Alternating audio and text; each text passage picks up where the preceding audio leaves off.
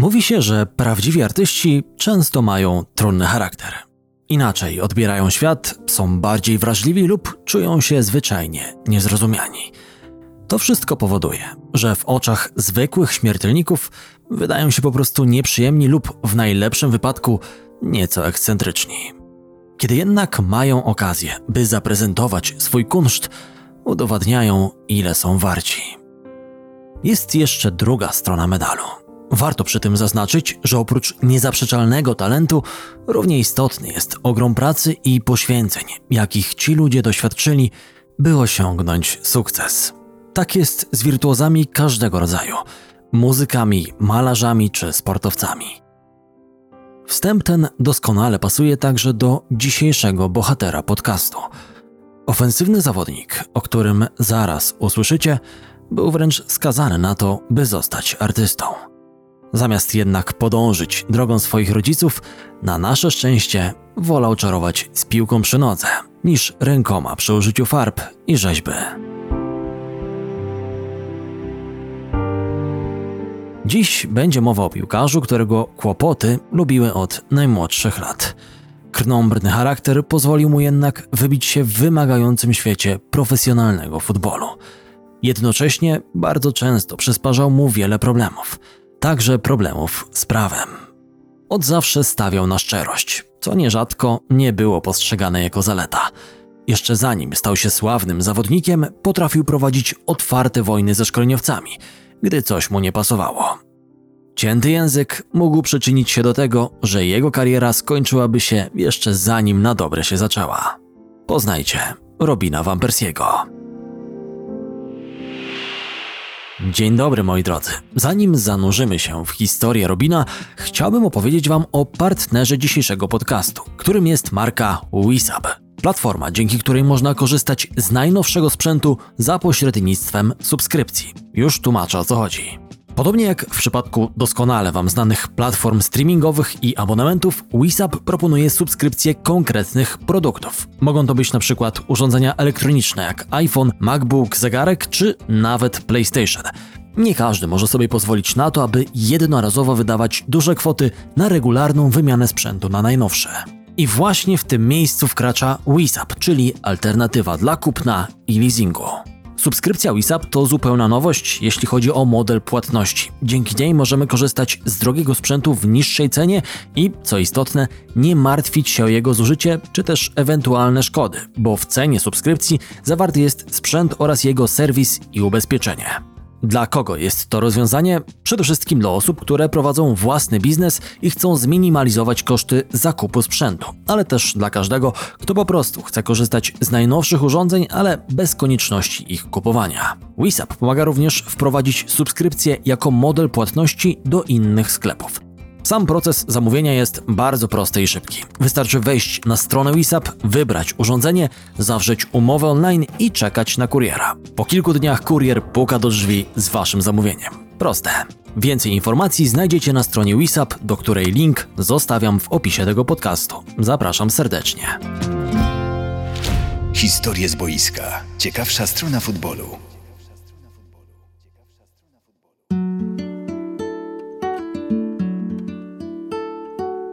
Przyszły kapitan The Gunners przyszedł na świat 6 sierpnia 1983 roku we wschodniej robotniczej dzielnicy Rotterdamu, Kralingen. Dorastał w rodzinie artystycznej. Zarówno mama przyszłego piłkarza, Jos Ras, jak i ojciec Bob zajmowali się rzeźbą i malarstwem. Byli dość znani i cenieni w tamtejszym środowisku artystycznym – Robin wspominał, że w jego domu panowały dość luźne zasady i w przeciwieństwie do rówieśników nie miał większych problemów z organizacją domówki czy nocowaniem kolegów. Po rozwodzie rodziców zamieszkał z ojcem, który bardzo chciał, by syn poszedł w jego ślady. Na szczęście dla kibiców przyszły napastnik Arsenalu i Manchester United postawił ostatecznie na boiskowy artyzm. Tak wypowiadał się po latach o swoim dzieciństwie dla Independent. Kiedy byłem młodszy, rodzice namawiali mnie do rysowania i grania w gry rozwijające umysł. Chcieli, żebym był indywidualistą. Okazało się jednak, że moje ręce do niczego się nie nadają. Pasją do futbolu zaraził go dziadek, który w przeszłości również grał w piłkę. Jako chłopiec godzinami spędzał czas na boisku, by szlifować umiejętności. Bardzo szybko okazało się, że ma do tego wrodzony talent. Wyróżniał się na tle kolegów boiskową gracją i umiejętnością podejmowania właściwych decyzji. Nie mogło być jednak inaczej. Jako chłopiec związał się z rotterdamskim Excelsiorem. Klub ten od dawna słynął z doskonałego szkolenia młodzieży. Wielu wychowanków trafiało później do największego w regionie Feyenoordu lub innych o wiele większych zespołów. Od najmłodszych lat przejawiał się jego krnąbrny charakter, który, choć często przysparzał mu problemów, pomógł mu się przebić. I choć sam zdradzał nieprzeciętny talent do piłki, przyznaje, że w jego otoczeniu było wielu bardziej uzdolnionych kolegów. Wspominał. Grało ze mną wielu piłkarzy lepszych ode mnie. Mieli fantastyczną kontrolę nad piłką, znali wspaniałe sztuczki. Widziałem wielu chłopaków, którzy potrafili grać genialnie, ale nie mieli odpowiedniej mentalności. Nie potrafił zbyt długo usiedzieć w miejscu, więc bardzo szybko był wypraszany z klasy za nieodpowiednie zachowanie. Spotkało go to na tyle często, że zdążył zaprzyjaźnić się ze szkolnym woźnem. Mężczyzna marokańskiego pochodzenia był dla niego nie tylko przyjacielem, ale i przewodnikiem. To właśnie pan Sietie Mąż zaopiekował się chłopcem i starał się wybijać mu z głowy wszystkie niebezpieczne pomysły. Van tak opowiadał o tamtym okresie swojego życia. Kiedy masz 15, 16 czy 17 lat, jest to bardzo ciężki okres. Chcesz wychodzić z domu, do klubów lub gdziekolwiek. Mój przyjaciel sprawiał jednak, że ja tego nie robiłem. Pan mąż mawiał, że te miejsca są bezwartościowe. I ja mu wierzyłem. Kiedy mnie wyrzucano z klasy, to nie dlatego, że krzyczałem na nauczyciela czy używałem brzydkich słów. Byłem raczej takim cwaniakiem, szydercą. Zawsze potrafiłem odszczekać się Belfrowi, co pewnie było dla nich frustrujące, ale zawsze miałem do nich szacunek. Niestety, temperament Van Persiego dawał o sobie znać także na boisku. Nikt nie odmawiał młodemu zawodnikowi talentu, ale cierpliwość trenerów miała swoje granice. Przez swoje zachowanie musiał opuścić szeregi Excelsioru. Bezpośrednim powodem pożegnania był otwarty konflikt między nim a sztabem szkoleniowym. Wtedy też do gry wkroczył Feyenoord, który postanowił ściągnąć do siebie utalentowanego młodzieńca. Czas jednak zagoił rany. Po latach Robin wielokrotnie podkreślał, jak wielką rolę spełnił Excelsior w jego rozwoju i że właśnie tutaj stał się profesjonalnym piłkarzem. W 2010 roku został nawet ambasadorem klubu, a jego imieniem nazwano jedną z trybun stadionu.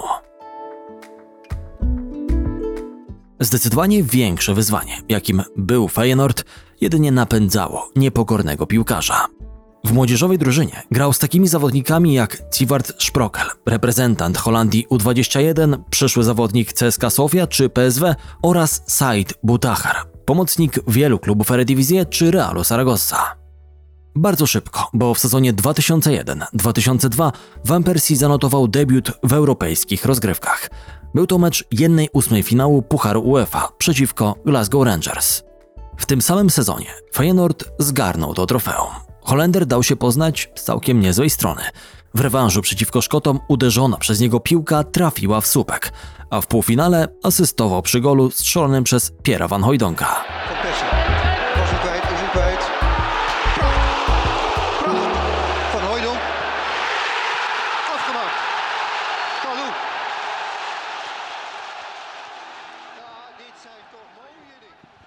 Na początku kolejnego sezonu podpisał z klubem pierwszy profesjonalny 3,5-letni kontrakt.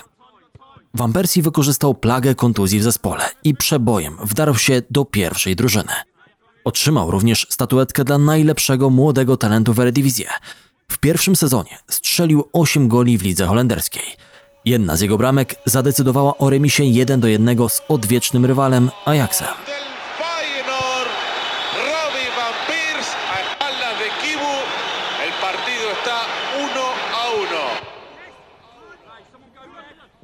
O piłkarzu zaczynało być coraz głośniej. Kiedy wydawało się, że wszystko idzie zgodnie z planem, kolejny raz dał o sobie znać trudny charakter Robina. Zbytnia pewność siebie może i procentowała na boisku, ale na pewno nie pomagała w kontaktach międzyludzkich, także w zespole. dość szybko pokłócił się z trenerem Bertem Van Marwijkiem, który obiecał sobie, że da nauczkę krnąbrnemu młodzieńcowi. Podczas jednej z wielu sprzeczek zawodnik miał dać upust frustracji i rzucić butami tuż obok zdumionego trenera. Podpadł także największemu ówczesnemu gwiazdorowi Feyenoordu, Pierowi Van Hooydonkowi. W spotkaniu ligowym przeciwko RKC Waalwijk został podyktowany rzut wolny dla drużyny ze stadionu De Kuip.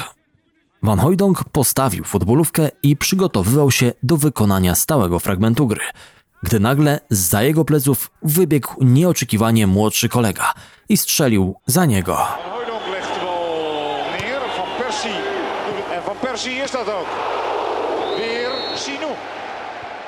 Młody Holender musiał zostać ukarany. Mimo fantastycznego początku został zdegradowany do roli rezerwowego, a następnie przesunięty do drugiego zespołu. Relacje między nim a Marwajkiem nie uległy poprawie. Każda próba sprowadzenia młodziana na ziemię kończyła się niepowodzeniem. Holender nie mógł wybaczyć Marwajkowi, że ten pominął go przy ustalaniu składu na mecz o Super Puchar Europy przeciwko Realowi Madryt. Skrzydłowemu bardzo zależało na tym, by zagrać przeciwko Zidanowi, którego niezwykle cenił. Persie miał ogromny żal do szkoleniowca. Uważał, że jest oceniany przez pryzmat wcześniejszych błędów. Czuł się nierozumiany. Kiedy zasugerował, że chętnie spróbowałby swoich sił jako środkowy napastnik, a nie skrzydłowy, szkoleniowiec zrugał go w mediach, że próbuje wywalczyć miejsce w składzie jako atakujący. Wszystko to sprawiło, że prasa, która chwilę wcześniej wychwalała go pod niebiosa, stała mu się nieprzychylna. Dopiero z czasem Robin nauczył się, by nie przejmować się rewelacjami ukazywanymi na jego temat w mediach.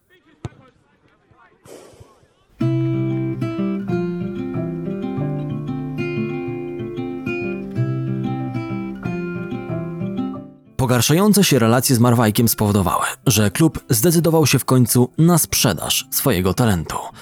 Podobno interesował się nim Manchester United, ale nie był przekonany z powodu temperamentu młodej gwiazdki. Do gry wkroczył wówczas londyński Arsenal, który poszukiwał następcy Denisa Bergkampa. Van Persie wydawał się idealnym wyborem. Miał uczyć się od słynnego rodaka i w przyszłości go zastąpić. Był młody, przebojowy i miał sporo do udowodnienia. Pod warunkiem, że Arsenowi Węgorowi uda się zapanować nad jego charakterem. Kluby dość długo dochodziły do porozumienia. Chodziło oczywiście o aspekt finansowy. Włodarze klubu z Rotterdamu żądali 5 milionów, na co z kolei nie chcieli zgodzić się przedstawiciele The Gunners. Negocjacje trwały niemal pół roku. Robin ostatecznie został piłkarzem galonierów 17 maja 2004 roku, a Feyenoord zainkasował za ten transfer niespełna 3 miliony funtów. Osobą, która wierzyła w Van Persiego od samego początku był Steve Rowley, szef scoutingu klubu z Londynu. Nie zraził się nawet, gdy młodziutki Holender został przesunięty do rezerw i nalegał, by dać mu szansę na nieistniejącym już dziś stadionie Highbury. Jednym z ostatnich sprawdzianów, jakie obserwował Rowley z udziałem skrzydłowego, był mecz rezerw Ajaxu i Feyenoordu w kwietniu 2004 roku. Bez względu na to, czy jest to mecz pierwszego czy drugiego zespołu, za każdym razem nie brakuje emocji. Oba kluby, delikatnie rzecz ujmując, nie pałają do siebie przesadną miłością. Van Persie był oblewany piwem za każdym razem, gdy zbliżał się do narożnika obsadzonego przez licznie zgromadzoną publikę rywala. Po meczu chuligani wbiegli na murawę, by rozprawić się z zawodnikami. Przyszły piłkarz Arsenalu wrócił do domu z kilkoma siniakami. Jak sam przyznaje, bał się wówczas o swoje życie. Z opresji uratował go Marco van Basten, który pracował wtedy jako trener drugiej drużyny klubu z Amsterdamu. Dwa tygodnie później Robin stawił się w Londynie, by rozpocząć treningi u ówczesnego mistrza Anglii. Holender nawet po latach był wdzięczny Rowleyowi, że w niego uwierzył. Tak wypowiadał się na jego temat. Wiem, że trener zbiera wszystkie laury, ale uważam, że Steve Rowley jest równie ważny dla Arsenalu. Jest pierwszą osobą, którą poznaje każdy młody zawodnik w klubie. A kiedy patrzę na jakość młodych piłkarzy Arsenalu, mogę tylko powiedzieć, że klub wykonuje fantastyczną robotę w każdym sezonie. Rowley miał ogromny wpływ na rozwój Van Persiego. Młody zawodnik wiedział, że każde słowo krytyki skierowane pod jego adresem było wypowiadane wyłącznie w dobrej wierze. Między Robinem a Steve'em od razu powstała nić porozumienia. Wraz z szefem scoutingu potrafił godzinami analizować nagrania spotkań ze swoim udziałem i omawiać poszczególne błędy. Arsen Wenger również znalazł wspólny język ze swoim nowym podopiecznym.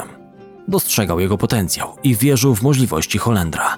Obiecał, że jeśli tylko zdoła na treningu wykiwać koloturę lub Sola Campbella, otrzyma szansę gry w pierwszym zespole. Możliwość gry z takimi zawodnikami jak Robert Pires, Patrick Vieira, Thierry Henry czy Denis Bergkamp motywowała Holendra do pracy. Zdawał sobie sprawę z ogromnej konkurencji. Wierzył jednak, że zapracuje na swoją szansę. Na pierwszym spotkaniu z nowymi kolegami zaliczył sporą wpadkę. Przyszedł w barwach biało-niebieskich, kojarzonych z odwiecznymi rywalami Arsenalu, Tottenhamem. Kapitan Patrick Vieira z uśmiechem na ustach postanowił uświadomić nowego zawodnika, jak wielką gafę popełnił. Sytuacja ta rozbawiła nie tylko nieświadomego Robina, ale i pozostałych kolegów z zespołu i pozwoliło na początek rozładować atmosferę. A początek ten w drużynie kanonierów był wyjątkowo udany w wykonaniu Van Persiego, który strzelał w trzech pierwszych meczach kontrolnych z rzędu. Wraz z nowym zespołem jeszcze w lipcu zawitał do ojczyzny, gdzie podopieczni Wengera wzięli udział w przedsezonowym turnieju w Amsterdamie. Robin ponownie nie mógł liczyć na taryfę ulgową. Był niemiłosiernie wygwizdywany przez kibiców Ajaxu, którzy skopali i opluli jego samochód, gdy opuszczał stadion.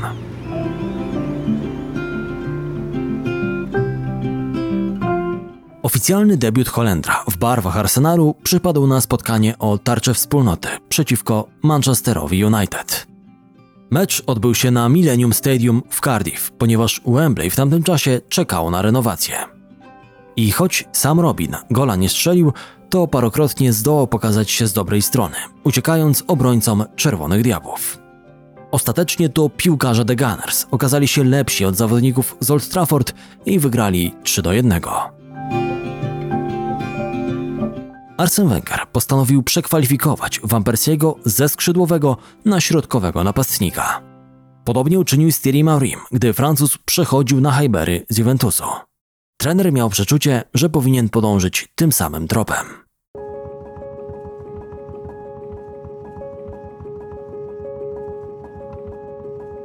W październiku zagrał w meczu Pucharu Ligi przeciwko Manchesterowi City. Wenger, podobnie jak wielu szkoleniowców klubów Top Six, nie przywiązywał ogromnej wagi do tego trofeum. Uważał, że jest to doskonałe miejsce do sprawdzenia młodszych zawodników. Nie było to być może najbardziej widowiskowe spotkanie, ale najważniejszy był wynik końcowy. Arsenal pokonał The Citizens 2 do 1, a gola na wagę zwycięstwa strzelił właśnie Van Persie. 30 października zdobył także swoją pierwszą bramkę w Premier League w meczu przeciwko Southampton. Było to trafienie niezwykle cenne, bo na wagę remisu. Obie drużyny dość długo nie mogły znaleźć sposobu na otwarcie wyniku. W 67 minucie piłkę do bramki w końcu skierował niezawodny Thierry Henry. Kiedy Rory Delap w ciągu 5 minut i to tuż przed końcem meczu strzelił w odpowiedzi dwa gole, wydawało się, że spotkanie jest rozstrzygnięte. W doliczonym czasie gry do głosu doszedł jednak Van Persie, który huknął nie do obrony pod poprzeczkę, ratując tym samym kanonierów od porażki.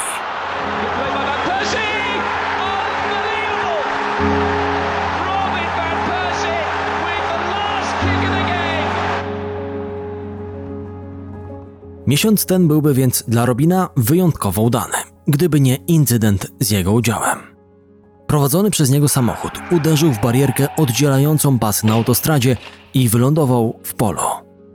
Zamiast zgłosić sprawę i poczekać spokojnie na funkcjonariuszy, zostawił BMW na miejscu i poprosił kolegę, by po niego przyjechał. Nie chciał bowiem spóźnić się na trening.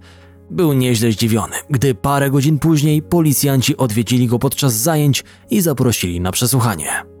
Ostatecznie jednak wszystko rozeszło się po kościach, bez większych konsekwencji. Większość spotkań sezonu 2004-2005 Van Persie zaczynało z ławki rezerwowych. Kiedy jednak otrzymywał kolejne minuty, procentowały one coraz większą pewnością siebie. Było widać, że Arsenal może mieć z niego w przyszłości duży pożytek. Piłkarza czekała wspaniała przyszłość. Pod jednym warunkiem. O ile Holender nauczy się trzymać nerwy na wodzy. Był to element, nad którym musiał bardzo mocno pracować. W meczu Pucharu Ligi przeciwko Manchesterowi United cudem uniknął wykluczenia. W drugiej połowie spotkania zamachnął się i uderzył łokciem Kirana Richardsona. Atmosfera zrobiła się bardzo gorąca. Wokół Robina momentalnie zgromadziło się kilku piłkarzy United, którzy chcieli wymierzyć mu sprawiedliwość. Van Persie miał ogromne szczęście, bo sędzia nie widział momentu ataku i ukarał go jedynie żółtą kartką. Mniej szczęścia miał już w lutym 2005 roku, kiedy to Arsenal podejmował Southampton. Arsene Wenger nie mógł tego dnia skorzystać ani z Jose Antonio Reyesa, ani Denisa Bergkampa, dlatego też postawił na duet Van Persie-Henry. Nabuzowany holenderski napastnik mógł wylecieć z boiska już w pierwszej połowie, gdy podobnie jak w meczu przeciwko Manchesterowi United potraktował łokciem jednego z rywali. Za ten faul otrzymał jednak znowu zaledwie żółtą kartkę. Kiedy jednak w drugiej odsłonie bezmyślnie wszedł w Grahama Lesu, sędzia nie miał wątpliwości, że należy mu się druga żółta, a w konsekwencji czerwona kartka. Tego było już za wiele nawet dla Arsena Wengera. Francuski szkoleniowiec ostrzegał w przerwie Robina, że kolejne głupie zagranie może poskutkować usunięciem go z boiska. Ten, zamiast ochłonąć i posłuchać dobrej rady, osłabił swoją drużynę i został wyrzucony z murawy. Wenger, słynący raczej z tego, że zaciekle broni swoich piłkarzy publicznie, nawet gdy ci popełnią błędy, tym razem tak wypowiedział się na temat Van Persiego. Nie mogę bronić tego, co zrobił Van ponieważ dobrze wiedział, że musi się zachowywać spokojniej. Kiedy grasz przeciwko drużynie będącej w osłabieniu, kluczowe jest to, by samemu utrzymać 11 graczy na boisku. Mówiłem mu w przerwie, że kiedy drużyna będąca gospodarzem traci zawodnika, sędzia znajduje się pod presją, by wyrzucić z niego zawodnika drużyny przeciwnej, zwłaszcza jeśli ten ma już żółtą kartkę. Van Persie wiedział, że musi ponieść karę. Po powrocie z wykluczenia cierpliwie czekał na swoją szansę na ławce rezerwowych.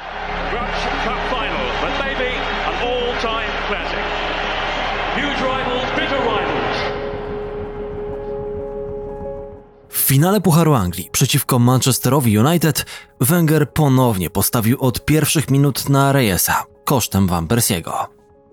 Dla podopiecznych Wengera była to ostatnia szansa na jakiekolwiek trofeum w tym sezonie. Chelsea była wtedy bezkonkurencyjna. Kanonierzy musieli więc zrobić wszystko, by zwyciężyć. Przez większość spotkania to piłkarze Sir Alexa Fergusona sprawiali lepsze wrażenie, lecz nie potrafili tego przełożyć na zdobycze bramkowe. Robin zameldował się na murawie na kilka minut przed końcem podstawowego czasu gry. Kiedy i dogrywka nie przyniosła rozstrzygnięcia, o tym, kto zgarnie Puchar Anglii, miały zadecydować rzuty karne. Mimo ogromnej presji i młodego wieku, Van Persie pewnie wykorzystał jedenastkę, choć początkowo planowano, by wykonywał ją ktoś inny.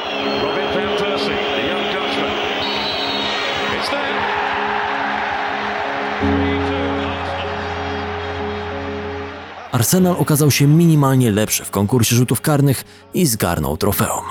Sezon zatem nie był do końca stracony.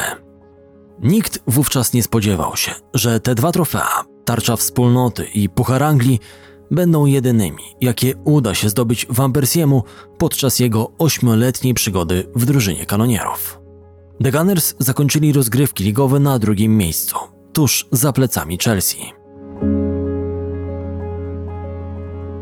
Sezon 2004-2005 był dla dzisiejszego bohatera wyjątkowy także z innego powodu.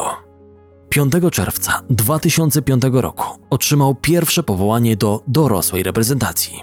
Zadebiutował w meczu eliminacyjnym do Mistrzostw Świata, zmieniając po godzinie gry Ruda van Nistelrooya. Selekcjonerem reprezentacji Oranie był Marco van Basten. Cztery dni później, w spotkaniu przeciwko Finlandii, otrzymał jeszcze mniej czasu, bo zaledwie kwadrans, ale zdołał wspaniale zaznaczyć swoją obecność na boisku.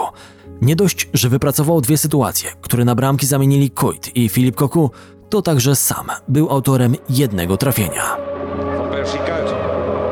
Van Persie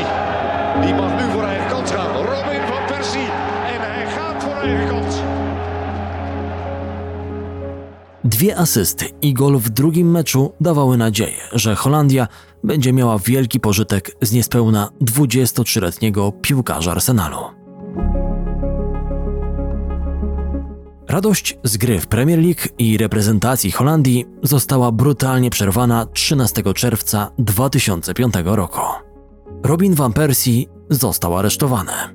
Zarzuty były bardzo poważne i dotyczyły podejrzenia o dokonanie gwałtu. Kariera, która na dobrą sprawę niedawno się zaczęła, wisiała na włosku.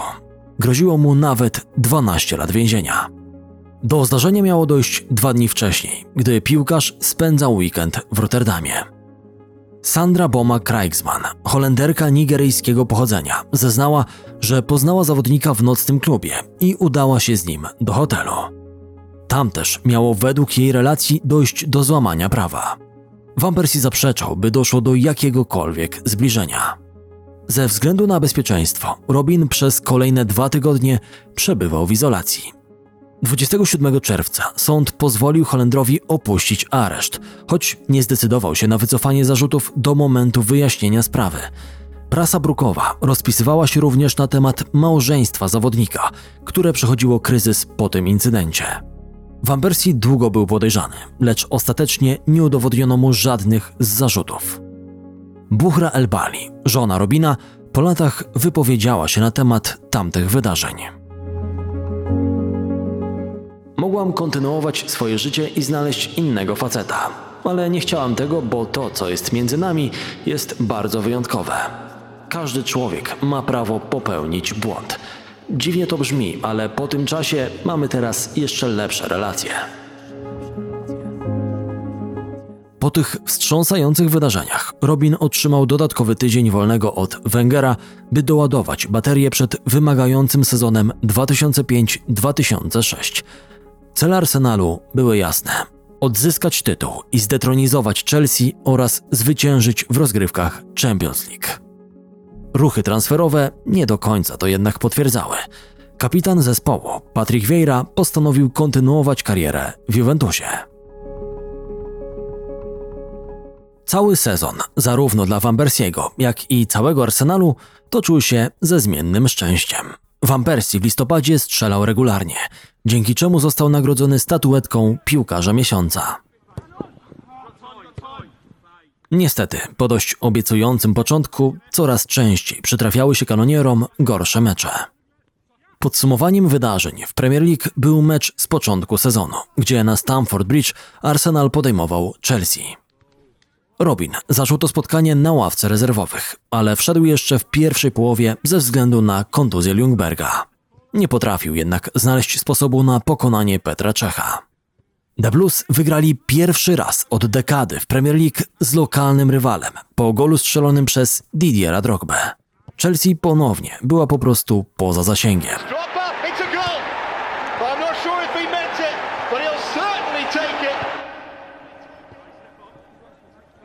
Ostatni sezon spędzony na obiekcie Highbury, The Gunners zakończyli na czwartej pozycji, która, jak miały pokazać kolejne lata, zdawała się być niemal przeznaczona dla tego klubu. Robin van Persie nie wyróżniał się szczególnie na tle kolegów. Pod długą nieobecność Auriego, spowodowaną urazem, nie potrafił wywalczyć miejsca w podstawowym składzie i przenieść ciężar gry na swoje barki. Na domiar złego opuścił kilka ważnych spotkań z powodu pękniętego palca. Był jednak na tyle zdeterminowany do gry, że przerobił swoje buty piłkarskie tak, by zmieścić opuchniętą stopę. Tak było chociażby przed meczami 1-8 przeciwko Realowi Madryt. Arsene Wenger wykazał się jednak rozsądkiem i wolał postawić na zdrowych piłkarzy. Mimo niepowodzenia w Premier League, Arsenal był bardzo blisko upragnionego triumfu w Lidze Mistrzów. Po wyeliminowaniu wspomnianego Realu Madryt, Juventusu i Villarreal w finale w Paryżu kanonierzy zmierzyli się z FC Barceloną. Najbardziej istotne dla przebiegu meczu okazało się wykluczenie Jensa Lemana jeszcze w pierwszej połowie. Robin znów obserwował jedynie z ławki rezerwowych, jak jego koledzy walczą z dumą Katalonii. Tego wieczoru lepsi okazali się piłkarze Blaugrany. Mimo początkowego prowadzenia, kanonierzy ostatecznie przegrali 1 do 2.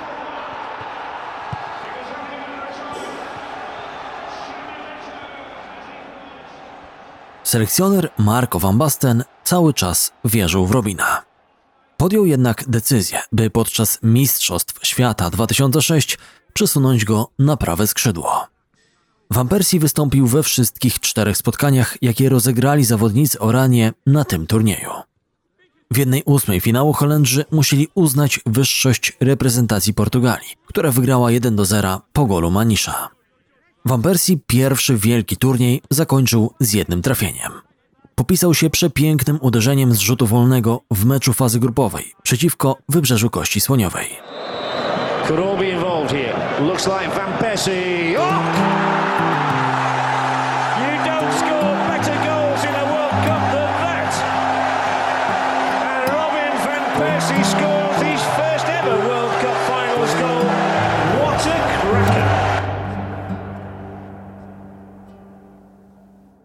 Kolejnych sezonach Van Persie stawał się coraz ważniejszą postacią Arsenalu.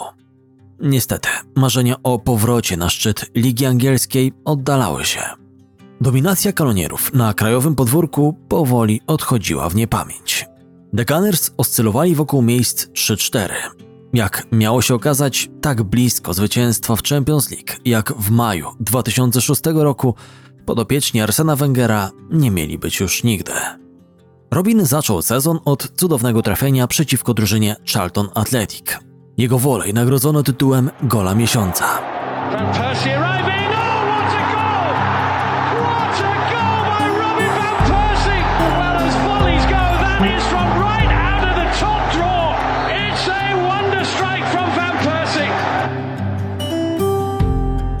W sezonie 2006-2007 Van Persie był najlepszym strzelcem zespołu, mimo faktu, że pauzował przez długi czas po złamaniu kości śródstopia w meczu przeciwko Manchesterowi United.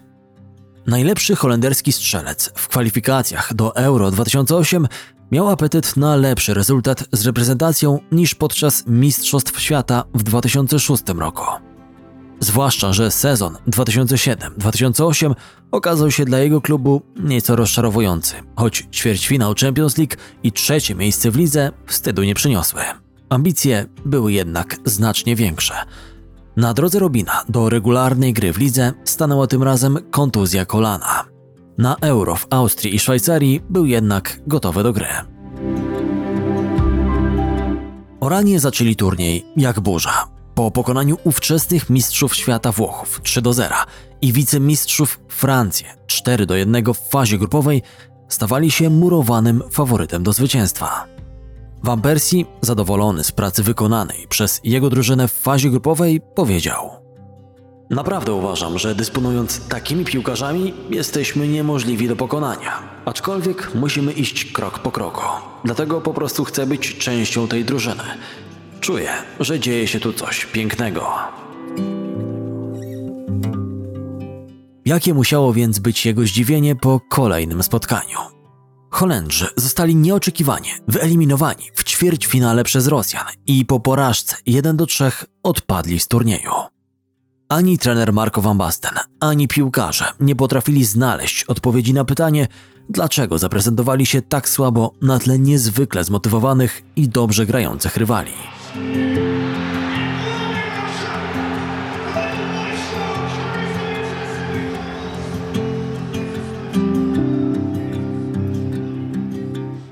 2009 roku Arsenal dość długo negocjował z Van Persim w sprawie przedłużenia wygasającego kontraktu. W wyniku kontuzji Fabregasa i absencji Almuni, Robin założył opaskę kapitańską kanonierów podczas meczu Pucharu Anglii przeciwko Plymouth. Po raz drugi w karierze został najlepszym strzelcem Arsenalu, zdobywając 11 bramek w rozgrywkach Premier League. W listopadzie 2009 roku Włosi zremisowali bezbramkowo w meczu towarzyskim z Holandią. Najwięcej mówiło się jednak nie o wyniku, a o kontuzji zerwania więzadeł, którą Van Persie odniósł po starciu z Kielinim. Napastnik Arsenalu musiał opuścić boisko już po 15 minutach.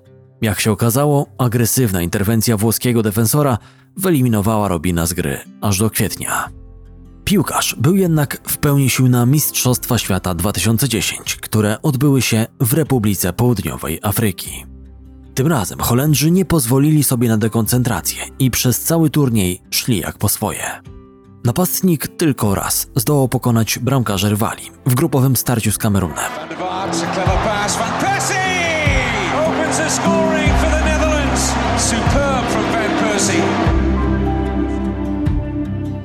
Po komplecie zwycięstw pod wodzą niesamowitego Snydera eliminowali kolejno Słowację, Brazylię i Urugwaj. Na drodze do pełni szczęścia stanęli im jednak Hiszpanie. W finale, który cechowała bardzo ostra gra, sędzia pokazał aż 14 żółtych i jedną czerwoną kartkę, minimalnie lepsi okazali się piłkarze La Roja.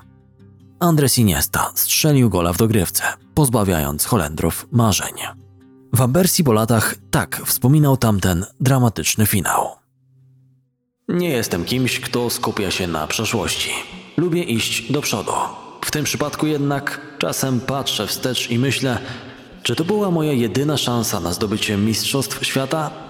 Byliśmy tak blisko i ta przegrana bardzo bolała. Nie tylko mnie, ale i wszystkich Holendrów. Jednocześnie czujemy dumę, że dotarliśmy do finału. Przegraliśmy z bardzo dobrą drużyną. Lata 2010-2012 były najlepsze dla Van Persiego w barwach Arsenalu pod względem indywidualnym. Zmiana numerów z 11 na 10 wyszła mu na dobre, jeśli weźmiemy pod lupę zdobycze strzeleckie. Numer kojarzony wcześniej z jego rodakiem, Denisem Bergkampem, wyraźnie mu nie ciążył. Holender stał się nie tylko kapitanem zespołu, ale i najważniejszym zawodnikiem. Jednak ani 18 goli strzelonych w sezonie 2010-11, ani nawet 30 trafień, kiedy został królem strzelców ligi rok później, nie pozwoliły Arsenalowi wrócić na szczyt. I choć cieszył się z prezentowanej formy, Van Persie marzył o trofeach. Mimo rozpaczy i wściekłości kibiców The Gunners, latem 2012 roku postanowił odejść do Manchester United, z którym związał się czteroletnim kontraktem. Sir Alex Ferguson tak opowiadał o kulisach transferu podczas oficjalnej konferencji. Robin to napastnik światowej klasy. Jego talentu nie trzeba nikomu przedstawiać. Strzelił przeciwko nam wiele bramek w wielu klasycznych bitwach w barwach poprzedniej drużyny. Myślałem, że Arsenal nie pozwoli mu odejść. Kiedy jednak Robin odmówił podpisania nowego kontraktu, podjęliśmy działania. Dla Arsenalu rozegrał 278 meczów, zdobywając 132 bramki. Fani londyńskiego klubu nie potrafili się pogodzić z decyzją swojego kapitana. Dlaczego ją podjął? Myślę, że można to porównać do małżeństwa. Byłem związany z Arsenalem przez 8 lat.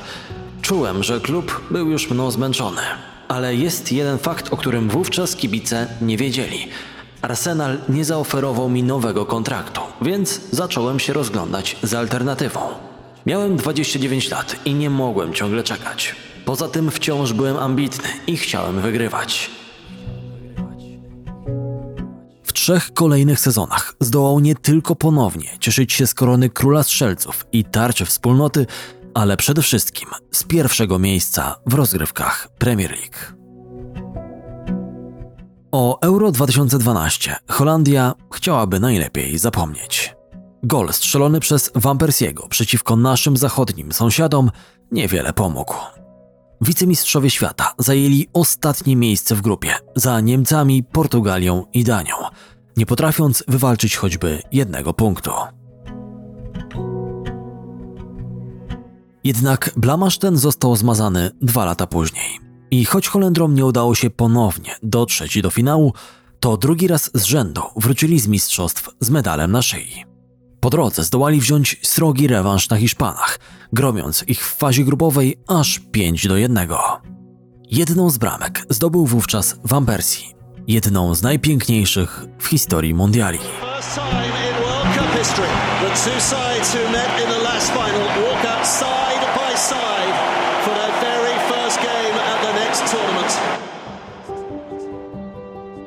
Gdy Hiszpanie prowadzili 1 do 0 i myślami byli już w szatni, w 44 minucie lewą stroną boiska podążał Daily Blind. W pewnym momencie podniósł głowę w poszukiwaniu partnerów. Gdy tylko zauważył urywającego się Van Persiego, bez zastanowienia posłał idealnie mierzoną piłkę za plecy goniącego go Ramosa. Wydawało się, że za chwilę Robin przyjmie ją na klatkę piersiową i w sytuacji sam na sam będzie starał się pokonać Ikera Casillasa. Cóż, zapewne tak postąpiłaby większość napastników, ale nie Van Persji. Holender niespodziewanie wyciągnął się jak struna i niczym lecący na pomoc Superman uderzeniem głową zaskoczył bramkarza La Furia Rocha.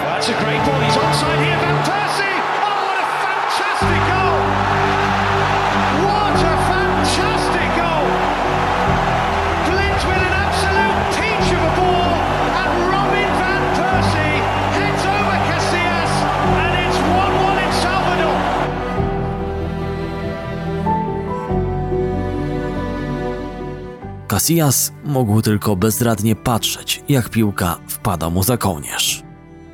To najpiękniejszy gol w moim życiu. Eksplodował cały stadion, ławka rezerwowych, a przede wszystkim moja głowa. W trakcie lotu tak skupiłem się na piłce, że wylądowałem z hukiem twarzą na murawie. Bramka zajęła trzecie miejsce w plebiscycie Puszkasa, a holenderska mennica wybiła limitowaną serię 6000 srebrnych monet z wizerunkiem frunącego napastnika. Niewiele zabrakło, a okazji do strzelenia tej bramki w ogóle by nie było. Jak zdradził Holender w jednym z wywiadów pół roku później, wraz z trenerem Van Halem ukrywali wówczas kontuzję. Podczas ostatniego meczu przed mundialem z Walią, tydzień przed turniejem, moja lewa pachwina zdrętwiała. Okropnie bolało. Czułem się jak w agonii. Powiedziałem trenerowi, że naprawdę chciałbym grać cały mecz, ale chyba nie dam rady. Lekarz, selekcjoner i ja postanowiliśmy zachować to w tajemnicy. Nikt na świecie nie miał prawa tego wiedzieć. Stawka była zbyt wysoka. Van Persie z czterema golami był najlepszym strzelcem swojej reprezentacji na tym turnieju. W meczu o brąz Holendrzy okazali się lepsi od gospodarzy, Canarinos. Oranie wygrali 3 do 0, a strzelanie w małym finale rozpoczął z rzutu karnego właśnie Van Persie już w trzeciej minucie. Robin van